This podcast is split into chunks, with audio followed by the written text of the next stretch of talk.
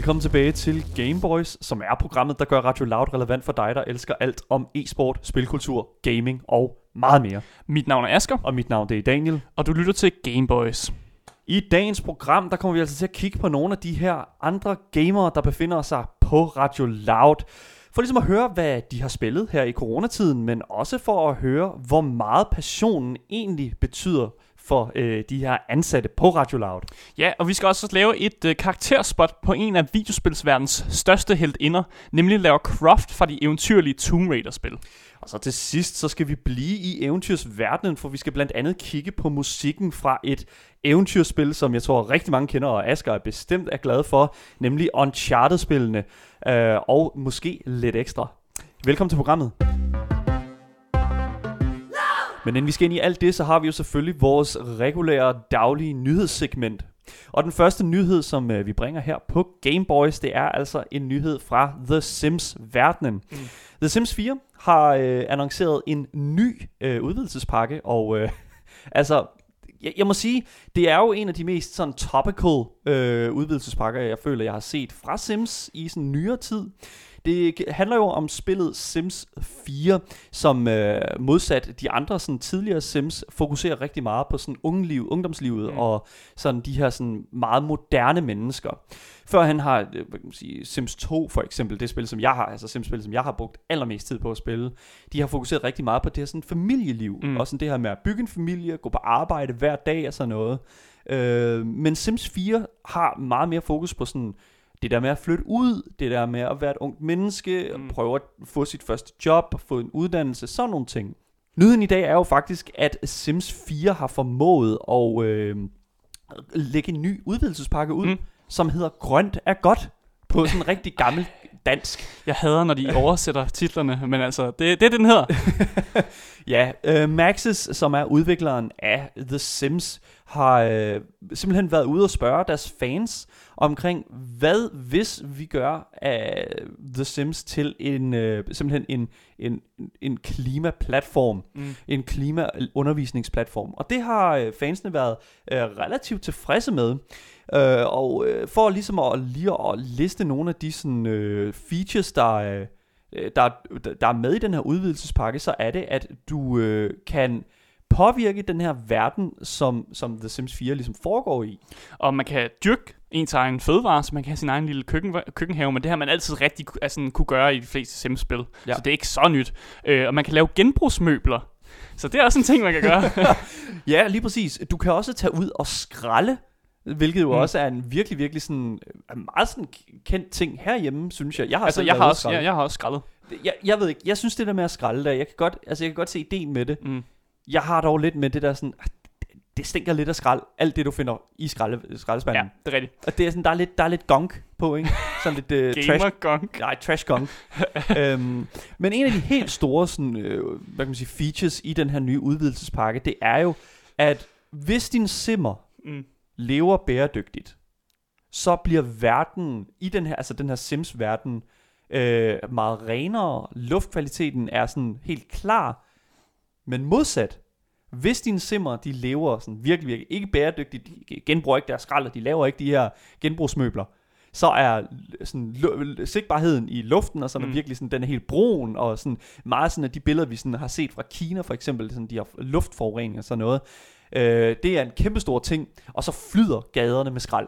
Jeg kan måske også godt forestille mig, at, at levetiden på en simmer måske også kan blive forkortet, hvis man render rundt, øh, for der er jo på videoen, render der nogen rundt, der hoster i det der øh, luftforurening og sådan noget. Så man kan måske godt forestille sig, at man levetiden på en simmer bliver forkortet.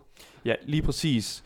Det, jeg kan godt lide det her med, at det valg, du får mm. om at leve bæredygtigt, det har en, en, en direkte sådan visuel effekt på, på, på simmernes verden. Jeg elsker, at, at, at de har ligesom gjort det her til sådan et, et, en, en reel ting. Og det synes jeg er svært. Mm. Altså, det er et svært spørgsmål, det der med sådan, det, det, det bæredygtige klima. Fordi, at, at, fordi jeg har nemlig siddet og tænkt over det. Hvis et spil skulle gøre det her, og gøre det ordentligt, så er det fandme Sims, der mm. kan gøre det. Fordi det er jo den der sådan simulation Altså den her simulering af den virkelige verden. Altså far, mor og børn, ikke? Altså den her, øh, det reelle klima. Mm. Altså, og jeg prø- prøver sådan at komme i tanke om andre spil, som kan gøre det, andre, altså gøre det bedre, og det tror jeg simpelthen ikke, det er muligt. Mange kan jo også godt føle, at, at de ligesom ikke kan gøre så meget for at påvirke klimaet, og så kan det her spil jo faktisk hjælpe til, at man får nogle idéer til det, fordi ting, man gør i Sims, er jo ofte ting, man faktisk gør i virkeligheden. Ja. Så derfor bliver man måske inspireret til at rent faktisk at lave, lave handlinger, som så er i, i virkeligheden. Ja. Det, er jo, det er jo fantastisk. Den næste nyhed, vi har her i vores nyhedssegment, det er altså øh, en ret mærkelig en af slagsen. Asger, Mm. jeg sidder og kigger på et billede af Joe Biden med et blåt skær omkring sig i Grand Canyon. Hvad fanden foregår der? Ja, men det er fordi, at øh, nogle af staff-medarbejderne på Joe Bidens kampagne, de fik den idé, at de blev sgu inspireret lidt af den der Travis Scott-koncert, som var i Fortnite, og tænkte, hvorfor laver vi ikke bare en kæmpe sådan, altså grafisk Joe Biden-figur, som så kan hjælpe os med ligesom, at få ham til at vinde præsidentvalget i USA? Jeg kan ikke forstå det. Jeg forstår det ikke. Fordi, altså, der var jo de her koncerter her. Mm. tilbage i Fortnite for nogle uger siden med Travis Scott, den Ja. her rapper. Øhm, og det var jo en kæmpe stor succes. Og Joe Biden, som er en af de her præsidentkandidater over i USA, har jo, øh, hvad kan man sige, øh, lidt modvind i forhold til, at, at Donald Trump jo selvfølgelig er, altså står til at altså at skulle genvælges. Mm. Ikke? Altså det er jo det, der, det er, jo det, der er, er i bund og grund af det, der kommer til at ske, tror jeg. Ja. Det ser i hvert fald ikke godt ud for Joe Biden. Nej, så nu har de altså gået til spilverdenen for inspiration, og det er jo ikke første gang, det er sket. Nej, fordi hvis man husker under Hillary Clintons kampagne, så er der et, et mega fedt klip, man kan finde online, øh, hvor hun fortæller de unge vælgere, at de skal Pokémon Go to the polls. øh, og der forsøgte de jo at bruge det her Pokémon Go-spil, som dengang var, altså var på sit højdepunkt. Det var sommeren af Pokémon Go, tror jeg man kan kalde det. Stort set alle spillede Pokémon Go. Selv jeg spillede Pokémon Go, og jeg er notorisk kendt for ikke at være så glad for Pokémon-spillene. Men jeg spillede også Pokémon Go. Og de forsøgte ligesom at bruge den her det, det her gamer-vind til ligesom at, at prøve at få de unge til at stemme på Hillary Clinton. Øh, og det backfired en lille smule, og hun blev nok mere mimet og sådan lavet sjov med på internettet, end, end det rent faktisk hjalp hende i det store hele. Jeg ved ikke om, altså, der var 12 millioner, som tunede ind, da Travis Scott han mm. Mm. havde sin koncert i Fortnite, og det er jo noget af et publikum. Ja. Jeg har det sådan lidt, det, er jo, det kan jo aldrig nogensinde blive det, det samme, altså den samme succes nogensinde, fordi den, altså, jeg ved godt, Grand Canyon har sikkert mange besøgende hvert år, men en, en, en kæmpe stor, jeg ved bare ikke, jeg synes bare ikke, at en, en, en, en stor Joe Biden holographic figur er lige så fed som en stor uh, Travis Scott holographic figur. Altså, ja, det, det er korrekt, hvad du siger. Men man kan måske også gøre tænke sådan, at du er det jo corona, og Joe Biden kan jo ikke rigtig komme ud til de vælgere sådan fysisk. Så derfor så tænker de måske i andre baner, og sådan lidt, hvorfor laver vi ikke bare en grafisk Joe Biden, for ligesom at komme ud til vælgerne på den måde. Så altså, det aspekt af det kan jeg godt se. Men jeg synes også bare, at det er dumt, fordi jeg synes ikke, videospil skal være så altså, politiske igen, eller bruges på sådan en politisk måde. Fordi altså, det er dumt. Jeg gider jo heller ikke se Mette Frederiksen i Fortnite, eller i Minecraft, eller et andet spil for den sags skyld. Okay, altså, tal for dig selv. Okay. Mette Frederiksen. altså, okay, en ting er, at, at man, jeg ved det ikke. Jeg synes også, det er noget værd pjat. Jeg, jeg synes, det er noget værd pjat, og jeg synes, at det er, igen, vi har jo lige talt omkring det her med at få billige point. Mm. Og igen, Joe Biden er jo nødt til at få de der sådan, De unge vælgere. de unge vælgere, Ja. og, og han er jo nødt til at gå videospilsvejen for ligesom at nå til dem, tror jeg. Desværre har vi bare en kultur på internettet med at virkelig at stride imod, når sådan noget der, det sker. Jamen, man kan også bare se det. Han er jo en gammel mand. Daniel. Han ved jo ikke, hvordan computer og internettet fungerer. Og og det er, på en måde, så er det, det er okay. Det ved vi godt, Joe Biden. Du behøver ikke at, at, at lave en kæmpe stor Fortnite-figur dig selv, som så kan holografisk spilles i Grand Canyon. Det er okay, Joe Biden. Bare, altså, gør din gammelmands ting. Det, det er cool. Du behøver ikke være en del af videospilsverdenen, hvis du ikke har lyst. Du lytter til Gameboys med mig, Daniel. Og mig, Asker. Hvis man har lyttet til andre programmer her på Loud, så kan man måske godt fornemme, at der er andre end os, der er interesseret i gaming. Og det er altså derfor, vi har lavet det her segment, som vi skal til at i gang med nu, som hedder Gamere på Loud. Her kommer vi til at tage fat i nogle af de her forskellige ansigter og stemmer, som øh, Loud huser, og så låner de altså lige vores talerør, det her gamer-talerør, øh, og giver dem lov til at udtrykke deres entusiasme omkring gaming. I det her program, der skal vi altså tale med Mathias Stilling, som er øh, en af de her værter på programmet Klub, som sender alle hverdage mellem 15 til 18. Mathias Stilling, min favoritstilling på Helt Loud. Velkommen til programmet. den var ny, tak.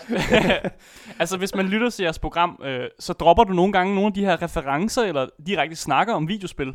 Men hvilke spil sidder du og spiller, når du ikke arbejder?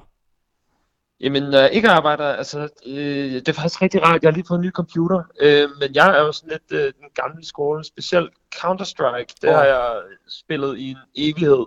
Og jeg var faktisk øh, tilbage for, hvad, 10 år siden, 12 år siden måske, da jeg gik i 8. klasse, der øh, tjente jeg faktisk meget lidt penge på at, at spille Counter-Strike Source, dengang, at det, det var øh, det shit. Og altså, uh. du siger, du tjente penge på det? ja, ja, altså i et meget lille omfang. Der sådan, vi, øh, vi var nogle drenge, som, øh, hvad hedder det, ja, vi spillede jo øh, Counter-Strike i sådan en klan, vi var fem mand, og, øh, og så lige pludselig så fik vi fat i en anden hollandsk øh, sponsor, som gav os nogle hjemmeside øh, ting og sådan noget plus nogle, øh, jeg ved faktisk ikke, hvor, hvor lovligt det har været, men så fik vi sådan nogle øh, sådan free bets til sådan en øh, hollandsk betting site, hvor vi på en eller anden måde kunne gå ind og, og, og hæve nogle, øh, nogle penge, hvis vi, hvis vi vandt på sådan noget betting, at det har jo, altså, jeg kan jo godt høre, at det er super sketchy. Det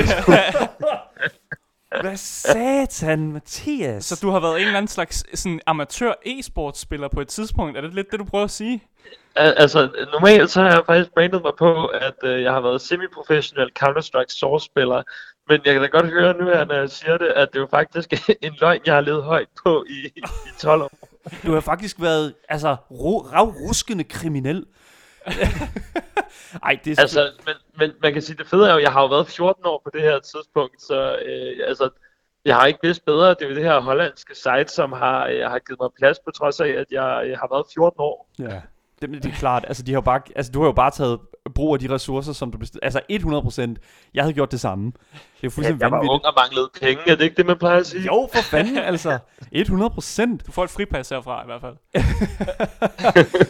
øhm, okay, så altså Counter-Strike er jo, et, er jo et af de her sådan helt klassiske skydespil, hvor man spiller counterterrorister, altså dem, der er, hvad kan man sige, politiet mod... Øh, det er politi og røver ja, lige præcis. I, og i går på stand, og så bare med ekstra blod og taktik. Ja, sidder du stadig og spiller det? Hvad siger du? Sidder du stadig og spiller Counter-Strike Global Offensive, det her nye Counter-Strike-spil? Ja, jamen det er jo øh, faktisk, altså jeg, jeg spillede lige øh, her for et par dage siden, altså det er faktisk ikke, fordi jeg har så vanvittigt meget tid her på det sidste, men, øh, men der åbnede jeg op for det, og jeg fik med bare øh, selv smidt nogle skaller i hovedet på folk, men jeg blev godt nok også ramt en del gange. Sådan, mand. Ved du så, altså, det er sådan, der, der, var, der var fire russere på mit hold, og de skrev jo bare til mig på russisk, og så en gang imellem skrev de bare noob så, så alt var, som det skulle være. Ja.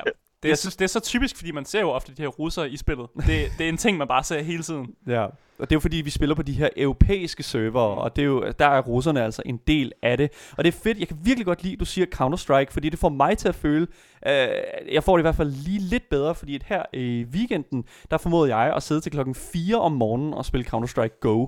Øh, var det i lige så stort omfang, som øh, at, at du ligesom var tilbagevendende Jamen, altså, det er sådan, det er som en, øh, hvad hedder en gammel cirkushest, som dufter savsmuld, ikke? Altså, lige pludselig, så kan man jo bare sidde og tage det ene game efter det andet i Dust 2, og øh, blive frustreret over, at man altid bliver ramt, det lige når man hopper ud på lang, ikke? Ja, og, ja.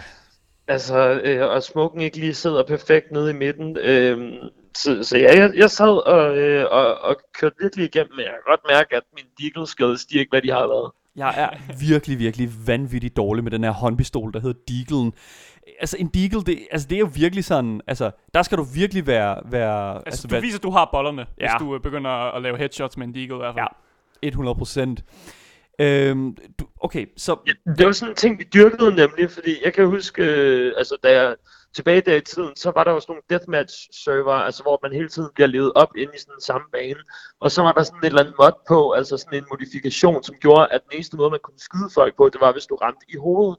Så øh, altså, tilbage i tiden der, så har jeg virkelig øvet min deagle headshots sådan til perfektion. Og det var så også det, der gjorde, at jeg kunne spille på sådan okay højt niveau dengang. Oh, what the fedt. Sådan en rigtig træ, øh, altså træningssession, øh, man kan køre ind igennem de der server der. Ja, ja, fuldstændig. Så kan du sidde og bruge, øh, det ved jeg ikke, et par timer på og, og nakke sådan 500 headshots i løbet af sådan en eftermiddag. Men okay, men hvad er det præcist ved, altså hvad er det ved Counter-Strike, som, som, som appellerer så meget til dig? Jamen, altså, jeg tror, at det, som, som ramte mig mest, det var øh, taktikken i det. Altså, hvor meget, øh, hvor meget taktik man egentlig øh, skal lægge ud på de forskellige baner, der er. Fordi, øh, altså, hånd på hjertet, så var jeg helt klart den dårligste på mit hold til at, at ramme. Oh, øh, altså, jeg, jeg, jeg kunne nærmest ikke ramme en ladeport på en meters afstand. og det, men, men til gengæld så havde jeg utrolig sådan taktisk snille, og jeg havde en forståelse for spillet. Og det er det, jeg synes, der er sjovt. Sådan lidt, hvis man skal sammenligne det med skak måske, at du hele tiden skal være sådan et skridt foran din modstander, og sådan det der med, at, øh, at, at gemme sig for folk, eller i hvert fald at snyde folk, sådan så de bliver et sted hen, og du ved, at, at de tror, at du snyder dem. Så det bliver hele tiden sådan en meta mind game, du spiller øh, imod nogen med, og det var det, som jeg bedst kunne lide. Altså de der, øh, det psykiske i det, og, og alle de der mind games, du egentlig laver, og taktikker. Du snakkede lidt omkring det her med, at øh, tiden ikke er så meget mere til det her gaming her. Efter du startede øh, arbejde på Radio Loud, og selvfølgelig har øh, kommet godt ind i øh, dit program Klub der, sammen med dine medværter, har du stadigvæk tid til at, sådan, at sætte dig ned, og, altså, og, få, og få den der sådan, altså og, og virkelig få, øh, få, få kløet det sted, hvor det virkelig klør, når, det, når man virkelig skal game? Al- altså, jeg kan mærke, at, øh, at det er virkelig sådan, at jeg er glad for, at jeg kun spiller sådan low rank, fordi konkurrenceelementet kan jeg virkelig godt lide. Og, øh, men jeg hopper tilbage til alle de gamle spil, som jeg spillede dengang, øh, der jeg gamede utrolig meget, fordi at jeg kan mærke, at hvis jeg skal begynde på noget nyt, så, øh, så kan jeg simpelthen ikke følge med i niveau. Altså nu har jeg prøvet at spille Fortnite et par gange, og det er pisse dårligt til, og så gider man ikke at forfine det, men der er virkelig noget skønt i at kunne hoppe tilbage og spille en god Inferno, eller Dust 2 ja. i, i Counter-Strike, eller øh, ja. Det, det er jo nemlig de her, sådan, det der med at vende tilbage til noget, man kender, Øh, det, det ved i hvert fald noget, jeg ved, mm. øh, specielt fra sådan et spil som for eksempel World of Warcraft. Altså, det, det går aldrig rigtig af mode, og man ved jo altid, altså, man, man kender sådan de der, de der rammer der, og det er det, der sådan gør det sikkert at vende tilbage til det. Altså, men, men, men altså, nu har du snakket lidt omkring Counter-Strike, men er Counter-Strike dit yndlingsspil? Jeg har, jeg har faktisk sådan tre, jeg, øh, jeg vender tilbage til. Men det er sjovt, fordi øh, lige nok med det der, der tænker jeg faktisk på et andet spil, nemlig Age of Empires. Øh, toeren er vigtigt at sige øvrigt. Ja. Øhm, jeg har hørt for, for ikke så lang tid siden, at faktisk når man, øh, den måde man tegner på, som, øh, som man er i dag, altså nu er jeg 26 år, Øhm, og jeg tegner fuldstændig på samme måde som sidste gang, at jeg ligesom lærte at tegne. Det vil sige billedkunst i sådan noget øh, 3. klasse, 4. klasse. Det vil sige, at jeg tegner som en 12-årig. Og det samme øh, gør jeg med Age of Empires egentlig. Okay. Øhm, fordi jeg, jeg, kan, jeg kan huske, at jeg kun spillede alle tutorialbanerne, dengang jeg var dreng. Og nu skal jeg så til lige pludselig at spille det på en ny måde. Øhm, fordi nu skal jeg lige pludselig lære alle mulige andre taktiske fragmenter i spillet og, øh, og de forskellige sådan, øh, hvad hedder det, øh, raser, eller hvad man skal kalde det, om du er portugiser eller franskmand, eller noget af den stil. Så lige pludselig, så er der rigtig mange øh, nye ting, som man falder, falder tilbage i, og jeg tror, Age of Empire er altså virkelig også et af de spil, som, øh, som jeg elsker meget højt. Det er et af de der spil, som man sådan kan hoppe ind i igen, og øh, vi har jo altså vi har jo anbefalet Age of Empires 2 mm. specifikt nummer 2 øh, her på programmet før. Og altså, hvad er det ved strategispil? Altså som, fordi at, øh, du, du sagde jo, at øh, Counter-Strike har et element af strategi i sig, og, og igen, mm. nu Age of Empires. Hvad er det ved strategi, som, som appellerer til dig? Undskyld, øh, du røg lige ud, kan jeg få den igen? Ja, hvad er det ved strategispil, som appellerer så meget til dig? Jamen, jeg tror bare, det er det med, at du kan, du kan sidde i, i din egen verden, og, øh, og egentlig bare zone ud, eller zone fuldstændig ind i, øh, i, i taktikken, eller tænke over, okay, jamen, hvor, hvor er det, vi rykker hen her, i stedet for, at du skal tænke på, jamen, altså, hvad skal jeg lave om, øh, om tre timer, skal jeg lige huske at handle ind, eller et eller andet, men at du faktisk bare kan zone direkte ind i skærmen, og bare øh, føle, at du står midt på en, øh, en krigsplads, og, øh, og, og skal tænke meget i, i nogle andre steder, end det, det sted, du er i fysisk. Det tror jeg er, er altså det, som, som er, øh, er, er bærende for det, at du ligesom at du hopper ind i en anden karakter, så snart at du, øh, du, du spiller sådan et spil som et strategispil.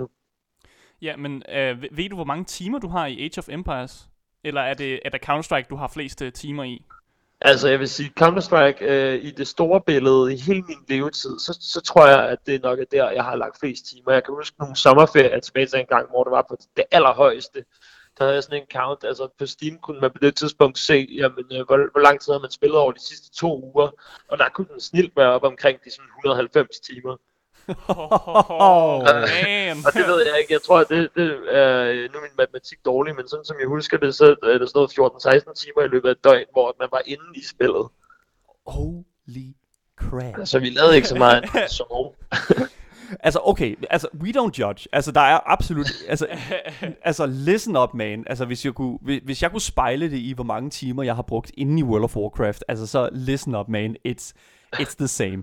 Der, er, der, er, der, altså, der, er- altså, gaming er jo, specielt i de der yngre år, hvor du ikke har nogen, altså, hvor du ikke har det her sådan, øh, ansvar for, for så meget andet, end at du, ja, som, som du også siger, Mathias, det der med sådan at sætte sig ind i matematik, for eksempel. Altså, når, når du ikke har så meget andet end det, altså så er det jo bare de der 14 timer, der de bare flyver afsted. Øh, Fuldstændig. det, det, det er også sjovt, at I siger det, fordi sådan har jeg aldrig haft det rigtigt, for jeg kan, jeg kan ikke rigtig game mere end sådan 3-4 timer i træk, før jeg bliver nødt til at lave noget andet. Så, så det, det er et helt andet syn, jeg får på det, at I bare kan sidde så lang tid og spille. Øh, For jeg er men, også men jeg tror at også, at vi var, vi var også nogle gutter, der var sådan rigtig gode til at holde sammen om det, og man kan måske sammenligne det lidt med misbrug, at øh, altså folk, som, som er på flasken, de øh, har det oftest lettest med at øh, finde andre, som også øh, kan lide at være på flasken. Og sådan finder man jo nogle fællesskaber. Og, og det var jo virkelig bare vanedannende, og vi var sådan tre gutter, der fysisk mødtes hver dag og bare spillede, og det var ligesom det, vi havde sammen, og, øh, og vores dedikation var jo så det, der gjorde, at, at, at det var fedt, at det var fede tider. Det har garanteret ikke været sundt, og mine forældre har garanteret sagt, at vi skulle øh, lige ud i den friske luft en gang imellem, og andre forhold for, øh, for gamer i dag, hvor det ligesom er blevet sejt som, øh, som pro øh, Counter-Strike-spiller. Du også lige skal huske at løbe en tur og spise en gulerod. Mm. Sådan var det jo overhovedet ikke for os. Altså, øh, vi skulle bare sidde og spille, og det skulle bare være med det samme. Ja, var det godt. Hvordan, okay, men så, så kunne jeg godt tænke mig at spørge sådan, hvad, altså, hvordan i alverden kommer du, hvor- hvordan balancerer du så det her, altså at være på flasken og på være på arbejde, hvis man kunne sige det på den måde? Altså, altså nu er det jo ikke sådan, at jeg er, øh, er alkoholiker øh, nu, kan man sige. men øh, nej, men det ved jeg ikke. Altså, altså, jeg tror, jeg har fået et meget mere balanceret forhold til det. Det hjælper så også, når man får en kæreste og finder ud af, okay, der er noget, der hedder en prioritet, og hvis du lige pludselig kommer til at spille en time for meget, jamen, så har du et, øh, et år øh, lavere tolerance i parforholdet lige pludselig, eller hvad man skal sige. Ja. Så øh, ej, altså, øh, nu elsker jeg min kæreste og sådan noget, men der, der er helt klart, at man finder ud af, at der er nogle andre ting, som lige øh, skal passes, før at man kan øh, komme ind og game. Og nu ser jeg det mere som, altså, jeg vil ikke kalde det nødvendigvis, at jeg var afhængig af at spille den gang, men jeg vil sige, at det er utrolig nemt for mig, når jeg lige kan øh, nu bare lige tage et game, så kan det meget nemt lige pludselig udvikle sig til at være sådan 6-7 timer, hvis jeg får lov. Vi har hørt nogle rygter om, at øh, du har spillet noget D&D. Er det Åh, rigtigt? Ja, fan. ja, og jeg er den mest hadet cleric, øh, hvad hedder det, jeg er den mest hadet cleric i, øh, i den by, vi er i, og sådan noget. Jeg, jeg, jeg, jeg tror, øh, og, og der var sådan, øh, nu har vi spillet over Zoom på grund af corona og sådan noget, og, øh, og min karakter, tror jeg bare, jeg, jeg har lidt misforstået, hvordan jeg skulle bygge den op. Det er første gang, jeg spillede D&D, og, øh, og det er egentlig gået meget godt. Det er vildt sjovt, og jeg kan utrolig godt lide øh, Dungeons and Dragons og den måde, vi spiller det på. Jeg glæder mig til, at vi skal mødes fysisk snart, men, men her for, øh, hvad er det, to år siden, der sad vi på Zoom, øh, og så fik jeg sådan en intervention af, af de andre D&D-spillere over Zoom, som fortalte, at min karakter, den var ligesom, den var, den var udviklet på en forkert måde, eller det var sådan, den passede ikke ind i gruppen, What? så, øh, så, så det var sådan en, en pæn måde, at de alle sammen lige pludselig bare sagde, øhm, Mathias, nu bliver du nødt til at, øh, at, at lave et soft reset på din karakter, fordi nu har vi spillet, det er vores første campaign, vi er ude på nu her, Ja. og øhm, så, så betyder det, at når vi rykker hen i den næste, så kan vi godt lige lave nogle, nogle små ændringer og sådan noget. Og det betyder så, at, øh, at jeg fået at vide, at min cleric skal ændre personlighed, for eksempel, fordi at den slet ikke er til at samarbejde med. Og, øh, og, og jeg synes, at det var fair nok, men, men det var i det øjeblik, hvor de sagde det til mig, så jeg, jeg tog det enormt personligt, og jeg blev herked af det, fordi jeg havde lagt vildt meget karakter og, og liv og sjæl i, at min karakter netop skulle være den her irriterende cleric, som, som kun troede på sine egne værdier og sådan noget. Jeg, jeg har faktisk spillet med en cleric, som var på præcis den måde, du beskriver det på. Det var også en cleric, der var sådan lidt småracistisk, og han troede kun på sådan sin ene gud, og han var også mega irriterende. Så jeg tror måske faktisk, jeg er lidt enig med dine kammerater, desværre. Og, og det skal lige siges, at en cleric er jo en D&D-class, en Dungeons Dragons class, som er sådan en præstetype. Ja, de er primære healer i, i den i hvert Ja, fald. lige præcis. Dem, der skal Ja. holde, øh, holde holdet i live, og hvis det er, at de er øh, lidt for ban- øh, sådan, øh, hvad kan man sige, ensporet i deres sådan, trosretning, så kan de godt være ret svære at danse med. Ja, Det, ja, altså, man, vi kunne sidde her og tale 40 år om Dungeons and Dragons, og øh, vi kommer til at tale meget mere i fremtiden omkring øh, det her bordrollespil i en, øh, i en eller anden format. Men øh, ja, Mathias Stilling, det var altså alt, hvad vi havde øh, tid til, øh, og vi er rigtig, rigtig glade for, at vi lige kunne fange dig i et øh, hurtigt moment. Du er jo en, øh, En du er jo travl mand, ja. en busy boy. ja, selvfølgelig. Altså, vi sender jo klub lige om lidt, jo, men øh, så, altså, det er jo det. Altså, jeg elsker jeres øh, program, så selvfølgelig. Tak fordi du vil være med. Vi ses online. Ja, vi ses. du. Hej hej. Hej. Mathias Stilling, medvært på Klub, som sender 15-18 på alle hverdage. Du lytter til Gameboys med mig, Asker. Og mig, Daniel. Her på programmet, der elsker vi velskrevne karakterer, og derfor har vi besluttet os for, at vi hver uge tager fat i en sådan karakter og analyserer dybden af, hvem de er, og hvad der gør dem relaterbare. Den her uge, der har vi trukket i arkeologshortsene og fundet vores lille børste frem, for vi skal kigge på spilverdens allerskarpeste brystparti, og lade vores to pistoler, for vi skal nemlig tage et kig på Lara Croft fra Tomb Raider-spillene.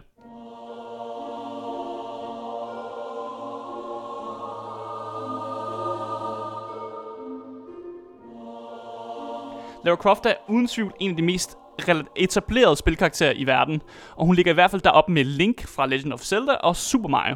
Men hvad er det, der gør hende til den fantastiske karakter, hun er?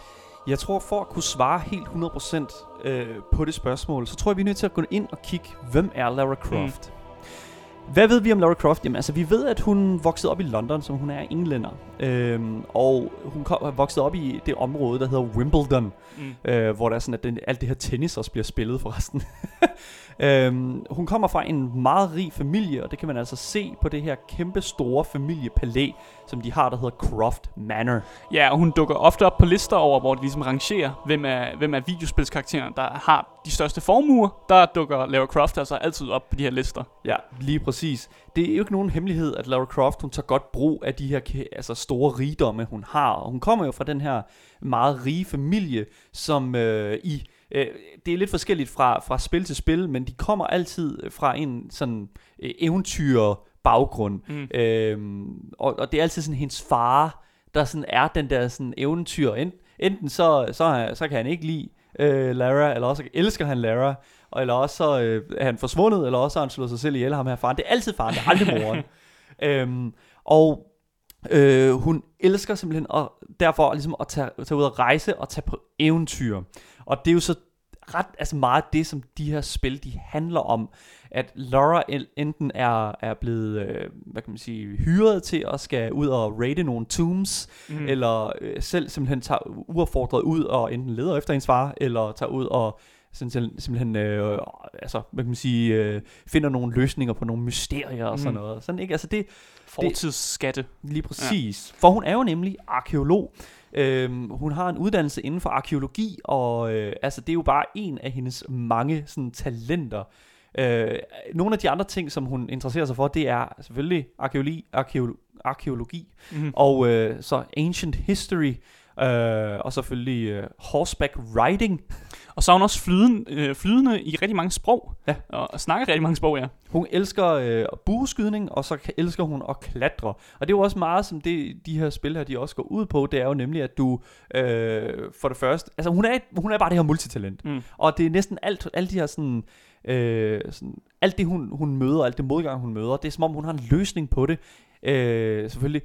Øh, Det er meget forskelligt, i hvad for nogle spil, vi taler om. Øh, fordi... Det er svært at sige, fordi at hun har jo ligesom... Hun har, hun har ændret karakter ret meget. Mm. Det kommer vi også ind på øh, lidt efter. Men det skal siges, at hun er jo utrolig... Altså, hun har et kæmpe int- øh, intellekt. Hun er stærk, hun er frygtløs, hun er afhængig. Og det, altså, det kan man bare godt mærke i Mm. den her karakter. Men for at tale lidt omkring de her forskellige spil, som, øh, som, som, som altså, der selvfølgelig er blevet lavet igennem tiden. Det første spil kom ud i 1996, og øh, det spillede jeg faktisk på PlayStation 1. Og øh, jeg vil sige, at, at det her Tomb Raider-spil, altså, det, det det første sådan indtryk, jeg fik af det, det var jo det her sådan, øh, det, var, det var jo hende her, sådan, den her karakter. Og for at tale helt sådan lavpraktisk omkring Lara Crofts øh, karaktermodel. Mm. Vi nævnte jo lidt af det i starten. Og lad os bare starte med det sådan mest åbenlyse hendes trekantede brystparti. ja, altså, altså det er meget pixeleret, men, men hver gang nogen også siger Tomb Raider, så, så tænker jeg altså altid på den meget pixelerede udgave af Tomb Raider. Jeg tænker aldrig på, nogle gange tænker jeg også på Angelina Jolie udgaven af Lara Croft, men ofte så, så er det mig, der forestiller mig den her pixelerede karakter, der render rundt i en eller anden undergrundshule, og så har de her to pistoler foran sig, som bare sådan skyder dem, mens, de, mens hun løber pixeleret rundt i den her pixelerede verden. 100 procent. Altså, det, jeg har det præcis som du har det. Når jeg tænker på Lara Croft, så tænker mm. jeg enten Angelina Jolie, på grund af de film, der blev lavet, mm. eller den der gamle PlayStation 1-figur. Og det, det, det er sjovt, fordi at i de nyere spil, fordi der er jo blevet lavet nyere spil, vi fik jo, vi har både fået et i 2013, 2015 og 2018, altså det er jo, der har jo ikke været der har jo ikke rigtig sådan været kan man sige, stillestand Nej. i den her IP her. Den har været i konstant udvikling. Der har jo næsten været et spil, øh, altså sådan i gennemsnit hver andet år, med øh, Lara Croft og Tomb Raider. Øhm, og det, der sådan ligesom er sket i nyere tid, det er jo, at de har været nødt til at kigge lidt på den her karakter og sige, at, at den, her, den her karakter ikke egentlig ikke rigtig sådan været et element af tiden. Mm. Fordi da vi sad og ligesom og lavede research til det her øh, karakterspot af Lara Croft, der snakker vi jo meget omkring det her med sådan, altså, bliver hun seksualiseret? Mm. Ikke? Altså, er hun egentlig ikke bare en karakter, som, skal, altså, er hot for at være hot? Jo jo, hun har jo selvfølgelig alle de her sådan, hun er intelligent, og hun har alle de her sådan, øh, den her dybde bag sig, altså mm. et reelt menneske, men er det egentlig ikke noget, der faktisk først er kommet øh, nu til dags. Der, der er jo nemlig nogen, der argumenterer for, at hun er den, den ideelle øh, male fantasy, altså den ideelle mandefantasi af, hvordan en, altså en, en kvinde skal se ud, altså være sådan en action, action kvinde, men samtidig også se vildt godt ud og have de her store bryster, som man desværre ikke kan komme udenom, at, at, at det er det, karakteren har. Ja, lige præcis.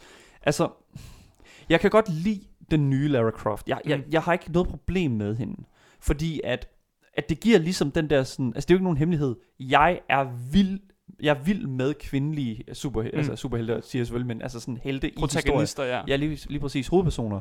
Og øh, Lara Croft er helt klart grunden til, at jeg, at jeg har det sådan i dag. Men den Lara Croft, som vi har i dag, er jo ikke den, altså, den karakter, som egentlig har skabt den interesse. Og jeg, jeg, og jeg ved ikke, om det er fordi, at er sådan, ah, jeg var ung og... Ja, du vil blive gammel, mand.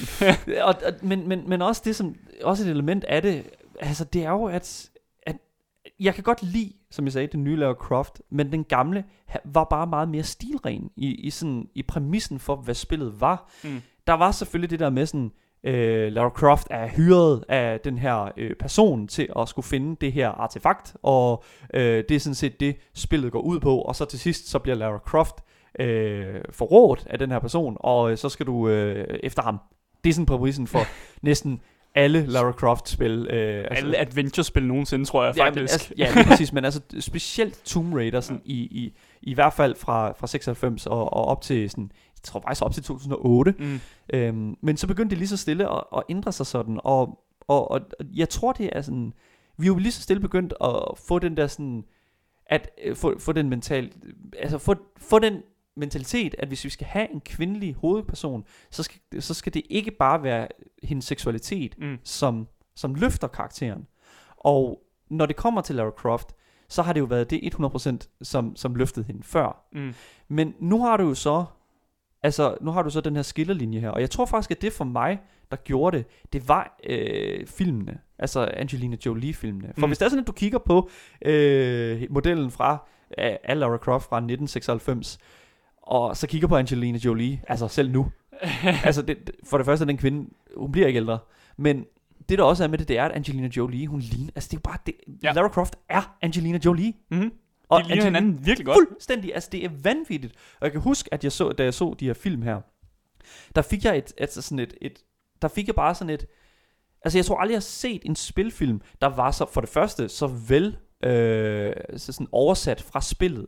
Mm. Altså vi har øh, det glimrende eksempel af Super Mario-filmen, øh, oh, som, nej. som, som, som, øh, som, som jo er kult classic i dag, men anset som værende en af de værste film nogensinde kreeret. Altså, du ved godt, du pådrager dig mange forbandelser ved bare at sige Super Mario-filmen, altså navne.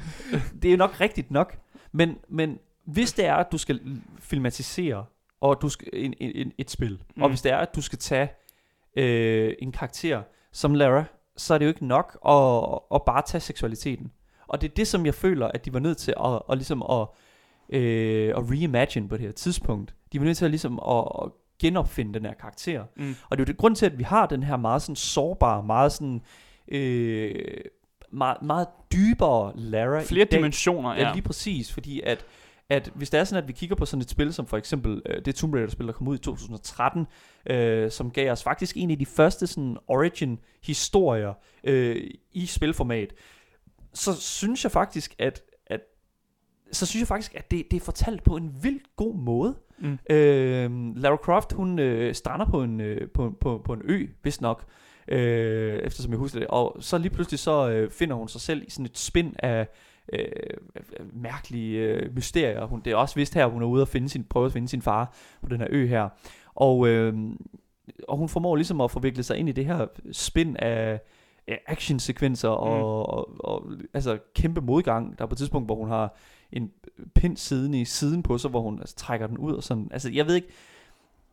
Jeg synes bare, at de nye medier, de nye spil, Mm. øh, formår at tage en karakter som, som Laura, og virkelig sådan give hende, give hende den respekt, Mm. som man selvfølgelig skal give alle kvinder, men også som man skal give en, en hovedperson i sådan en, en, en, en barsk fortælling. Ja, fordi hun er nemlig også så populær i videospilsverdenen. Altså, hun har trukket mange rekorder. Altså, simpelthen Guinness øh, re- rekorder har givet hende. Der var en rekord for flest, øh, øh, mænd, eller for flest kvinder klædt som Lara Croft. 270 mennesker var mødt op til en gaming week, hvor de var klædt ud som Lara Croft. Var, de, var der overhovedet ikke nogen mænd der?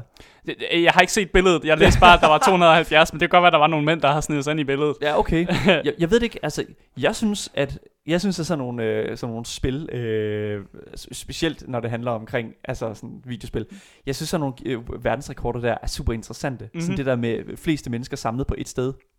Ja, hun har altså også øh, havde haft flest magasincovers. Øh, altså flest magasincovers som en, som en kvindelig sådan, øh, videospilskarakter. Ja. Og hun er også den mest sælgende videospilsheldinde med 44,5 millioner kopier solgt.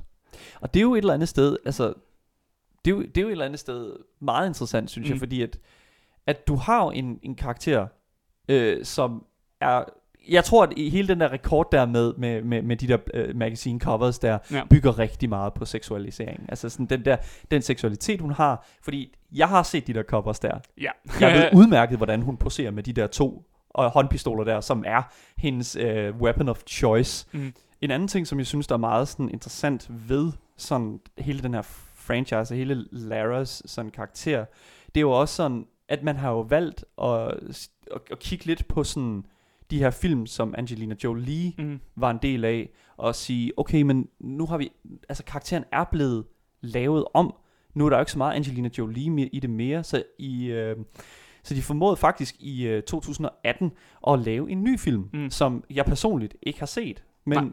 De har formået at caste en ny øh, Lara Croft, som jeg synes faktisk sådan personlighedsmæssigt og udseendelsesmæssigt passer meget bedre ind med den nye Lara Croft. Mm. Og det er sjovt, at de har valgt at, at ligesom se det på den måde. Jeg, jeg, kan, sådan, jeg kan godt, hvis, hvis er sådan, vi kigger på, hvordan den her film den klarede sig, så havde den et, et sted mellem 90 til øh, sådan 100 millioner dollars i budget. Og øh, de formåede alligevel at få 274 øh, millioner dollars tilbage. Så altså, Filmen tjener sig selv ind. filmen Ja. tjener sig selv ind, men jeg synes jo også et eller andet sted, at det er meget interessant at se, altså sådan karakteren et eller andet sted, er jo, st- er jo, er jo stadig i live. Eller, altså selvom at vi har, har fået en, en øh, revurdering af, mm. eller sådan en genopfindelse af Lara. Men det svarer også lidt til, når man rebooter forskellige andre franchises. Øh, for eksempel har vi set forskellige Spider, uh, Spider-Man-franchises, som har rebootet op. Jeg synes stadig, at Tobey Maguire er den eneste rigtige Spider-Man, selvom jeg er glad for Tom Holland, der spiller Spider-Man nu. Øh, og det samme, når du, når du nævner de her forskellige øh, Lara Croft, så må jeg også indrømme, at jeg synes jo stadig, at Angelina Jolie er den Lara Croft, jeg forestiller mig, når jeg hører navnet Lara Croft, så er det Angelina Jolie, jeg ser. Men jeg tror, det er fordi, det er hende, vi er vokset op med. Ja, det tror Ja, jeg også. og jeg det ved samme med Tobey Maguire jo. Ham er jeg også vokset op med. Men jeg tror også, at Angelina Jolie, altså hende her, Alice Vikander, som spiller øh, Lara Croft i den nye film, øh, altså, jeg, jeg ved ikke, hun, ja, hun skiller sig ikke lige så, lige så Mm. meget ud, som, eller er lige så genkendelig, som Angelina Jolie er. Mm. Og jeg synes, den måde, som, øh, som Angelina Jolie ligesom, som spiller karakteren på, og lægger, lægger sig selv ind i den, i den her karakter med, altså, det passer rigtig, rigtig godt ind i det, og jeg tror, det er der, og grund til, at jeg voksede, at det er også grund til, at jeg voksede op med den Lara Croft. Mm. Så det er den Lara Croft, jeg går tilbage til. Jeg tror, det er det samme, som du siger med Tobey Maguire og Spider-Man, at der ligesom er en karakter her, som vi allerede har fået cementeret i vores øh, underbevidsthed. Det er hende, vi kan relatere til. Det er hende, som vi har ligesom øh, den, den største Mm. sådan, øh, haft den største rejse med, kan man sige. Ja. Ikke? Og vi har ikke rigtig fået den samme sådan rejse, fordi jeg kan stadig huske øh, tilbage fra PS1 øh, spillet fra 1996, den der sådan atmosfære, der er i det første spil, ikke? Den der sådan, øh, den der sådan eventyr, følelse af eventyr, den Mm. der sådan, de der baner der, der er sådan lidt uhyggelige, og sådan lidt, øh, øh, lighting er lidt mærkelig, og sådan, altså det er virkelig, virkelig fedt. Jeg kan godt lide det. Mm.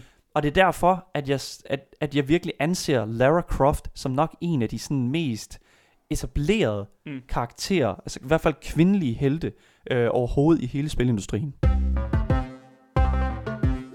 Du lytter til Gameboys med mig, Daniel, Og mig, Asger. her på Radio Loud.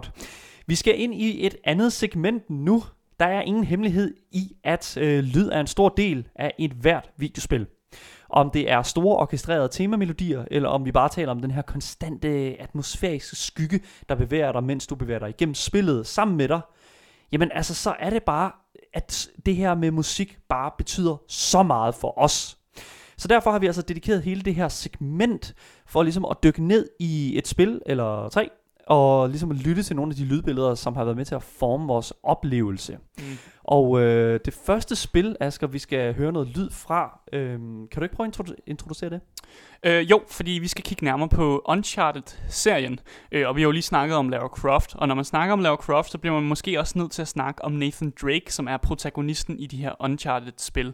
Øh, og den musik, jeg vil gerne vil lægge mærke til, det er simpelthen det her, øh, de her temaer, som Nathan, øh, Nathan Drake har. Og hvert spil har ligesom et, et tema, og så bliver der ligesom lidt puttet på temaet i hvert spil. Øh, og der, hvor jeg har valgt ind at, at, at gå ind og, at tage musikken ud, det er i toeren, Uncharted 2, og så Uncharted 4, og ligesom tale om forskellighederne i, i de her to, to musikstykker. Men jeg synes lige, vi skal høre øh, Uncharted 2-musikken først. Den kommer her.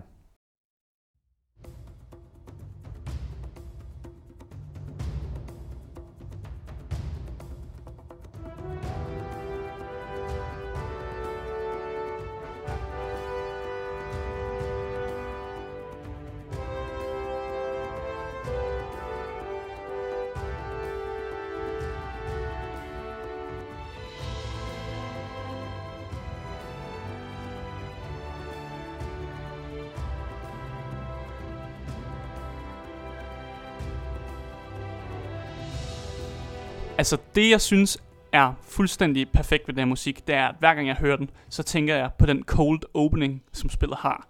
Du hænger simpelthen og, og dingler for det her tog, og du er blevet skudt i maven. Du har det ikke fedt. Det er koldt, og toget er ved at styrte ned i afgrunden, mens du prøver at kravle igennem det og har de her action-sekvenser.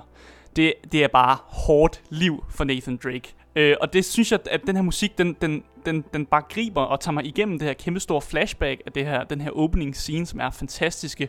Og jeg får også flashback hele vejen igennem til spillets slutning, hvor du, du har fundet det, det forhistoriske Shim, Shambhala, og du kæmper mod ham her, den store skaldede crime lord til sidst, som har fået nogle forhistoriske kræfter. Ja. Det, altså, det, musikken, den, den kommer bare omkring alt det der.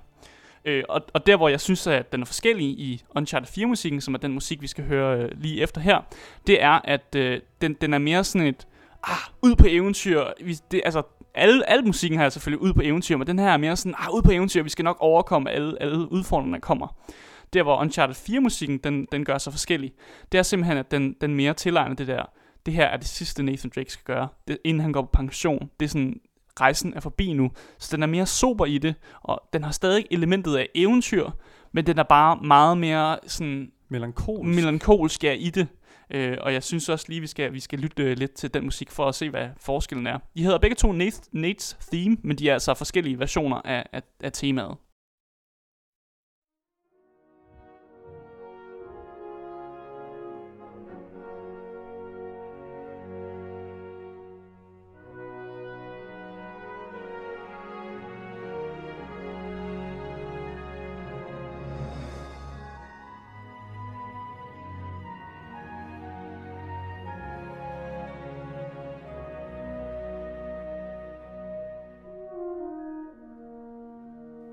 Som øh, sagt, så er den her musik meget mere sober, men man kan godt høre, at, øh, at der er nogle elementer, både af, af toren, som er i, i den her musik også. Og det er jo fordi, det er Nathan Drakes altså sidste spil.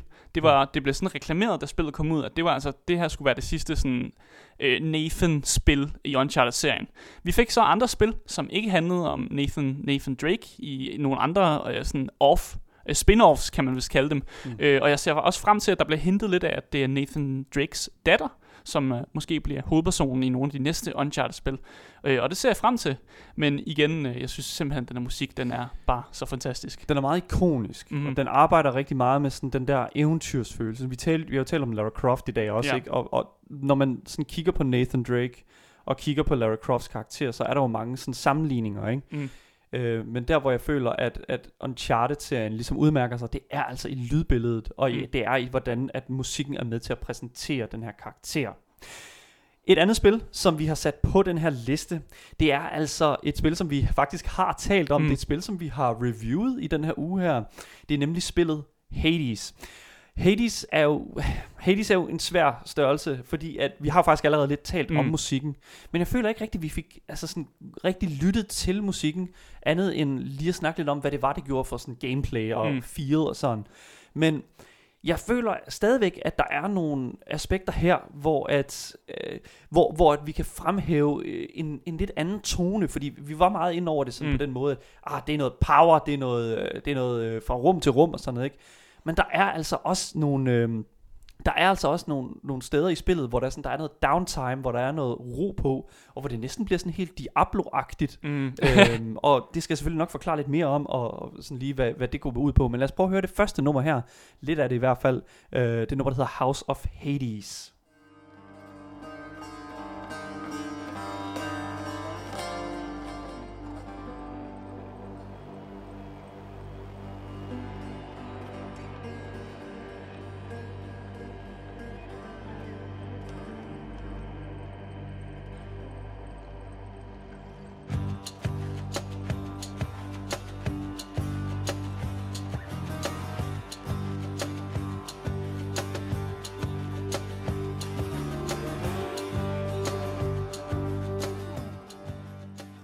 Musikken er jo altså composed af ham her, Darren Korb. Mm. Og jeg vil sige, musikken i Hades har jo den her sådan...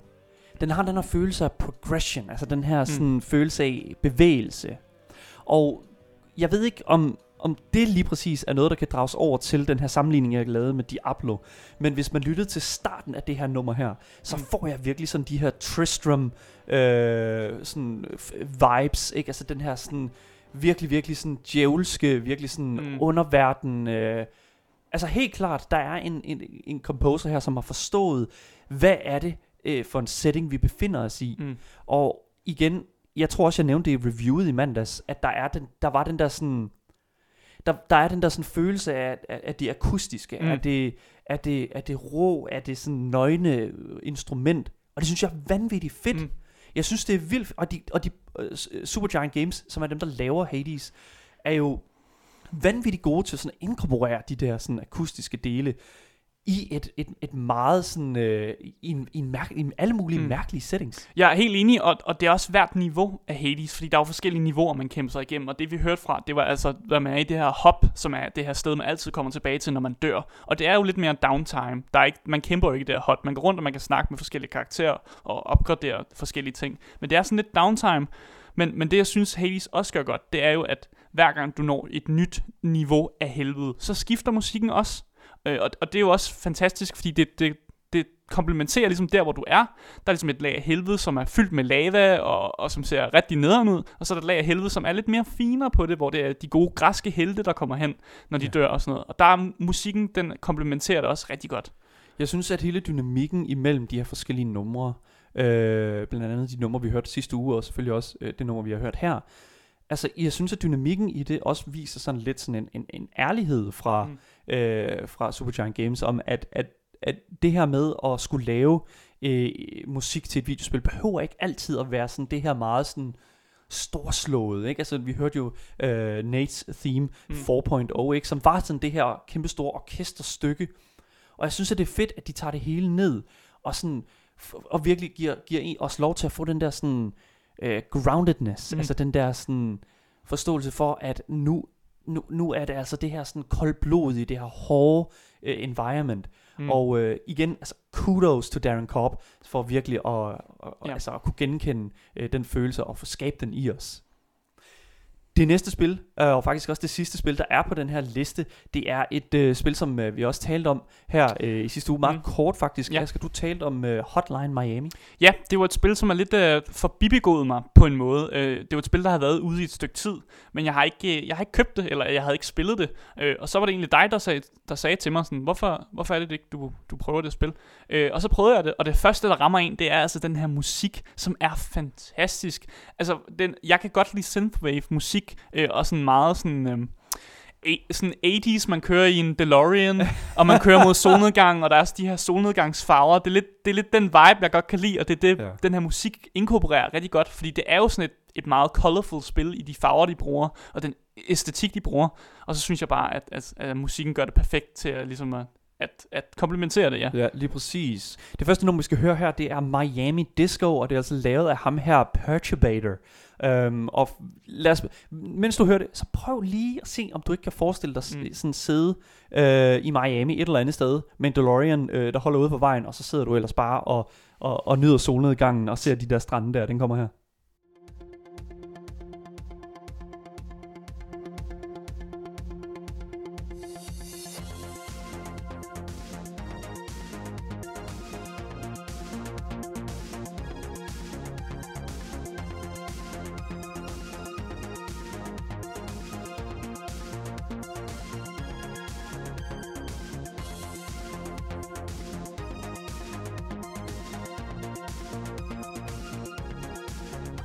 Hvor er det fantastisk at høre det her. Jeg elsker simpelthen ja. bare de der sådan synth uh, ja. notes, der altså, som bare altså, som mm. sætter virkelig den der scene der for Hotline mm. Miami. Og, og det er også vigtigt med tempoet, fordi der er god tempo i sangen, og, og spillet er meget sådan, detaljeret i det tempo, du skal have i spillet. Det gælder om at bevæge sig meget hurtigt. Du skal igennem de her baner, hvor det gælder om at, at skyde alle fjenderne øh, i det her hus, man er i, og du skal altså bevæge dig hurtigt, og ligesom, det, det er bare perfekt, at musikken ligesom har det her tempo, som også er i spillet, som du skal føle, og du skal, du, ja, det, det er bare en så stor del af spillet, at det er perfekt, at det komplementerer os ved hjælp af musikken. Præcis. Øh, det næste nummer, vi skal høre fra det her spil her, det er altså et nummer, som, som, altså, som jeg synes øh, understreger rigtig godt sådan den der historie mm. der, som der jo også er til stede i, øh, i, i Hotline Miami. Fordi det er jo sådan, spillet er jo et, et kampspil. Mm. Spillet er et slåssespil, og der er jo nogle, noget historie, som, som selvfølgelig følger med der. Og det er jo faktisk en relativt tragisk historie. Ja. Det handler jo om, om forræderi og, og mor og altså penge. Ja. Og det, jeg synes bare, at, at et nummer, som, som det vi skal høre nu her, det, altså, det er mm. virkelig, virkelig, det passer bare perfekt. Ja, og det bliver nemlig også fortalt på den her lidt syrede måde, og man kan ligesom høre den her syre, som også er i sangene. Øh, men ja, jeg synes bare, vi skal, vi skal høre det. Ja, det sidste nummer, det er altså A New Morning, og selvfølgelig også lavet af ham her, Perturbator.